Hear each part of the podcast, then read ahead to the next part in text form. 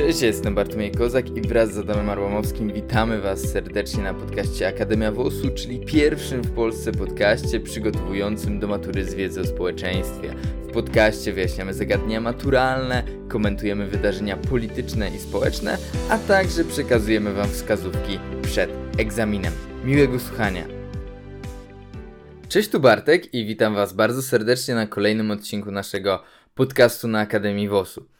Dzisiaj porozmawiamy sobie o prawie wyborczym. Będziemy mówili o czynnym prawie wyborczym do Sejmu i o biernym prawie wyborczym do Sejmu.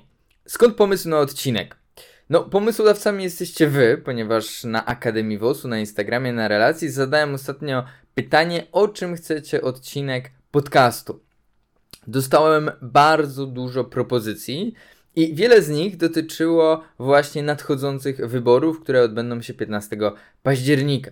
Padła tam m.in. propozycja, abym nagrał coś o prawie wyborczym do Sejmu i o prawie wyborczym do Senatu. No i właśnie to robię. Przechodząc do meritum. Mówimy o wyborach do Sejmu i do Senatu, dlatego, bo my będziemy chcieli ukonstytuować organ przedstawicielski. Obecnie demokracja, taką jaką mamy w Polsce, wygląda w taki sposób, że dominuje demokracja pośrednia, innymi słowy, przedstawicielska. Demokracja wygląda w taki sposób, że my, my obywatele, wybieramy organ, tak zwany organ przedstawicielski, i to on podejmuje za nas decyzje. Kiedyś, dawno, dawno temu, demokracja wyglądała w taki sposób, że obywatele zbierali się na zgromadzeniach, takich to się nazywało zgromadzenia ludowe, i głosowali poprzez podniesienie ręki. Te czasy już się skończyły. Nie? Możecie zapytać, ale dlaczego? No, przede wszystkim państwa się rozrosły i jest niemożliwe, żebyśmy się wszyscy zebrali w jednym miejscu i głosowali poprzez podniesienie ręki. W ogóle kto by liczył te głosy, po pierwsze, a po drugie, gdzie byśmy się spotkali? To też jest pytanie otwarte. Kolejny minus tego rozwiązania to była pewna nieefektywność. No, każdy z nas na co dzień coś robi. Ktoś idzie do pracy, ktoś chce pojechać sobie na jakieś czasy.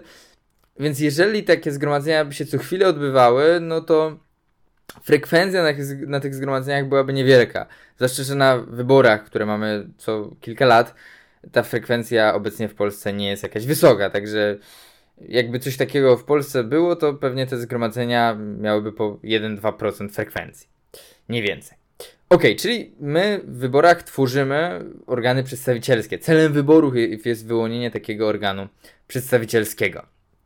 No i teraz my sobie zadamy pytanie na dzisiejszym odcinku naszego podcastu. Kto w ogóle może uczestniczyć w tym procesie? Czyli kto może wybierać i kto może być wybierany? To będzie nasze, nasze kluczowe zagadnienie na dzisiejszej lekcji. Mówiąc o prawie wyborczym, to możemy mówić o prawie wyborczym w dwóch znaczeniach w znaczeniu podmiotowym i w znaczeniu przedmiotowym. My się zajmiemy dzisiaj tym pierwszym znaczeniem podmiotowym prawa wyborczego. E, jest to taki zespół uprawnień jednostki związanych z wyborami, tak? Czyli będziemy tutaj mówić o uprawnieniach jednostki związanych z wyborami. E, to rozumienie przedmiotowe to tak w dużym skrócie. E, chodzi o takie pewne czynności dotyczące wyłaniania zwycięzcy w wyborach. No i w ramach prawa wyborczego podmiotowego wyróżniamy czynne prawo wyborcze i bierne prawo wyborcze. Czynne prawo wyborcze to jest prawo do dokonania aktu wyborczego w postaci wybierania, tak? Czyli prawo czynne to jest prawo wybierania, a bierne prawo wyborcze to mówi prawo do bycia wybieranym, czy też prawo wybieralności. Tak, prawo wybieralności to jest bierne prawo wyborcze. Żeby to tak w dużym uproszczeniu wytłumaczyć, czynne prawo wyborcze, z czynnego prawa wyborczego korzystamy wtedy, gdy idziemy na wybory i oddajemy głos, zaznaczamy Xa na karcie do głosowania. A z biernego prawa wyborczego korzystamy wtedy, jeżeli na nas e, ludzie stawiają Xa, tak? Czyli jeżeli znajdujemy się wśród kandydatów. To jest korzystanie z biernego prawa wyborczego. Jeżeli ktoś z Was z tym ma problem, żeby sobie to zapamiętać, ja kiedyś zaproponowałem takie rozwiązanie, że osoba, która korzysta z czynnego prawa wyborczego, w dniu wyborów z reguły musi być czynna. To znaczy, no powiedzmy, musi wstać, pójść do lokalu wyborczego i oddać głos, tak? Czyli musi czynić, działać w tym dniu wyborów. E, w przypadku biernego prawa wyborczego w dniu wyborów możemy nic nie robić, bo nie musimy iść głosować, tak? Bo my już żeśmy wcześniej podjęli jakieś czynności, żeby znaleźć się na karcie do głosowania. Więc tak to można sobie w uproszczeniu zapamiętać. E, na potrzeby matury, tak? Jeżeli by ktoś chciał bardziej w to wchodzić, to może się okazać, że ktoś skorzysta z czynnego prawa wyborczego, a w dniu wyborów nic i tak nie, też nie będzie robił, dlatego by coś takiego jak na przykład głosowanie korespondencyjne, ale o tym nie. Dzisiaj.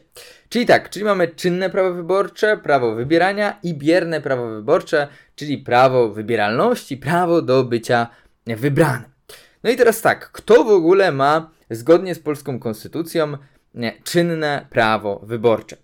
E, artykuł 62 Konstytucji będzie w centrum naszych zainteresowań.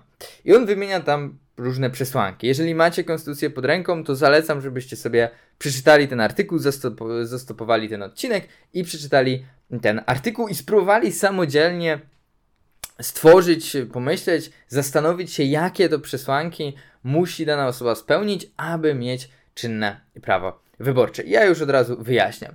E, zgodnie z tym artykułem 62 Konstytucji musi być to odpowiedni wiek, musi być to obywatelstwo polskie i nie mogą być spełnione tak zwane przesłanki negatywne. Czyli nie może być tak, że ktoś jest ubezwłasnowolniony prawomocnym wyrokiem sądu, pozbawiony praw publicznych lub pozbawiony praw wyborczych. To są przesłanki negatywne. Czyli jeszcze raz, 18 lat i obywatelstwo polskie to przesłanki pozytywne, a trzy przesłanki negatywne no to nie możemy być ubezwłasnowolnieni, nie możemy być pozbawieni praw publicznych i nie możemy być pozbawieni praw wyborczych. I teraz tak, po kolei.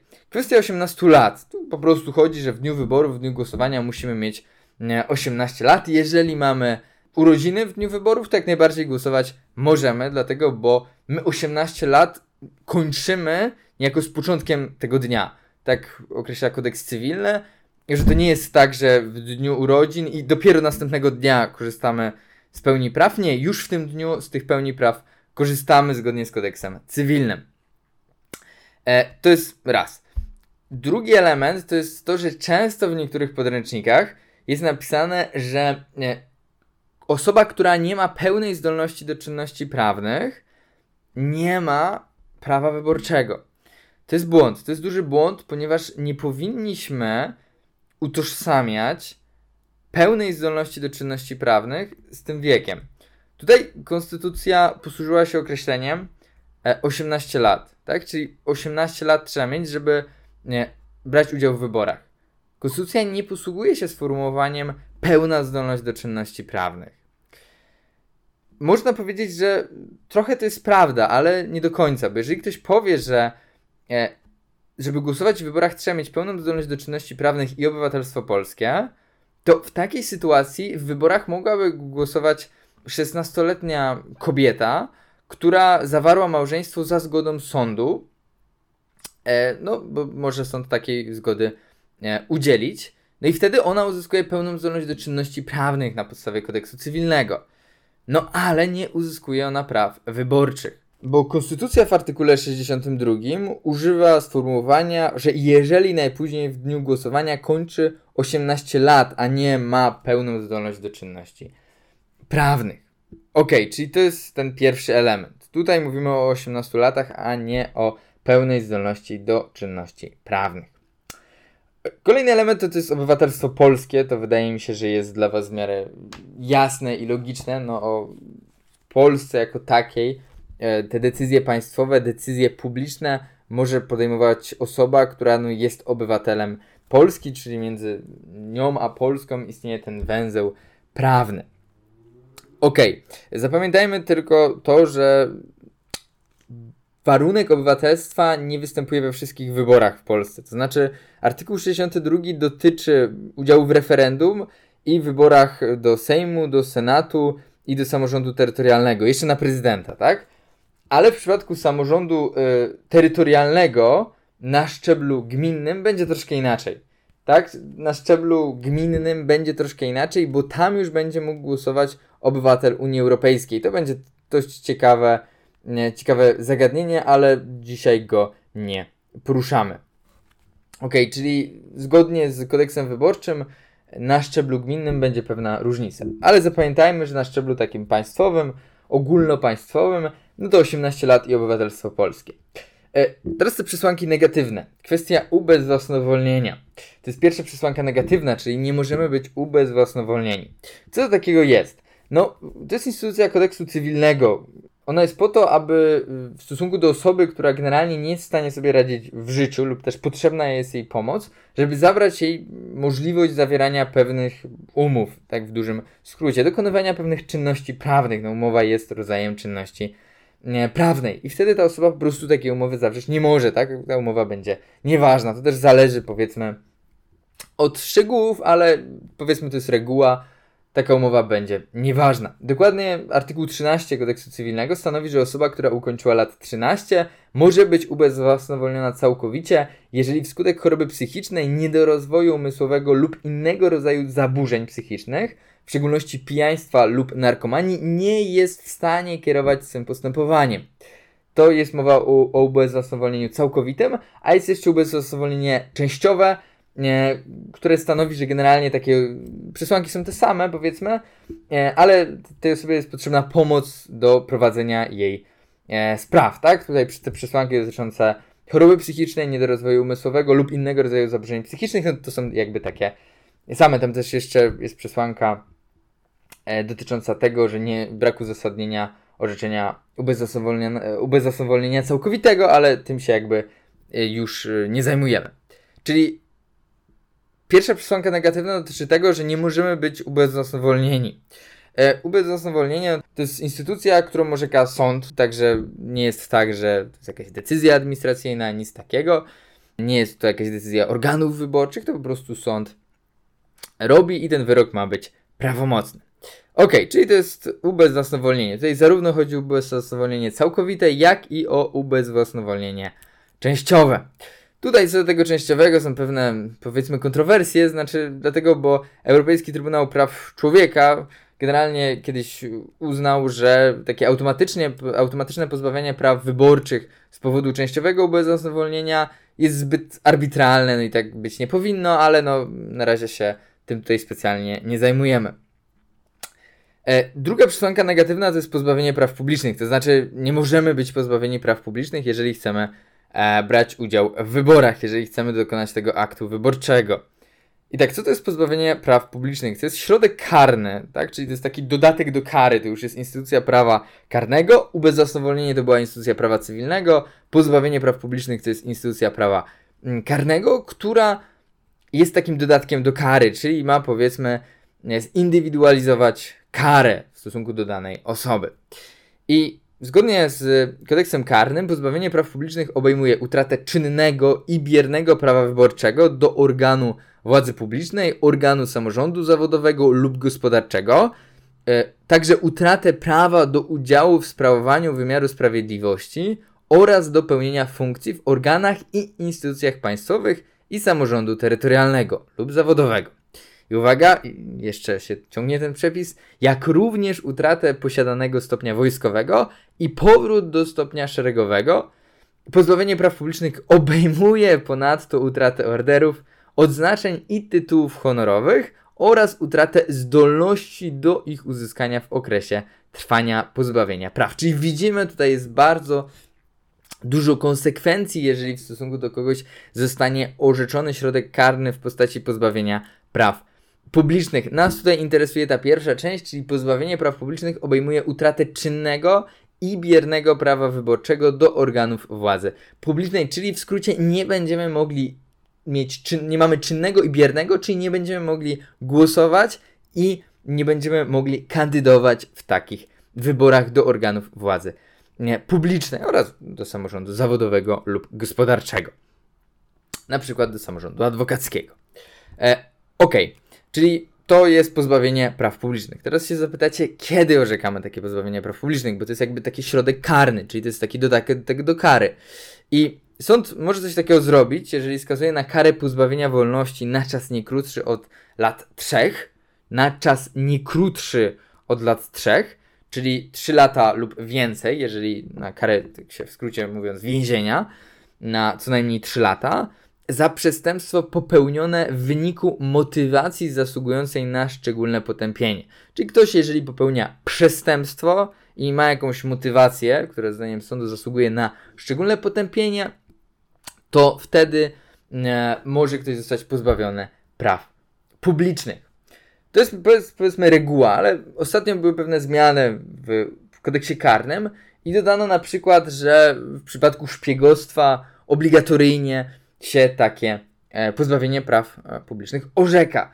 Dokładnie tu jest mowa o artykułach, e, artykuł 130, paragraf od 1 do 5 lub od 7 do 9 kodeksu karnego. My w to dokładnie nie wchodzimy, ale chcę powiedzieć, że no, prawo się cały czas zmienia i to, co czasem przeczytacie w starszym podręczniku, no to nie do końca będzie już aktualne, więc prawo cały czas, cały czas żyje. Ok, czyli to było to pozbawienie praw publicznych. No dobra, ale jest jeszcze trzecia przesłanka, czyli ktoś nie może być pozbawiony praw mm, wyborczych.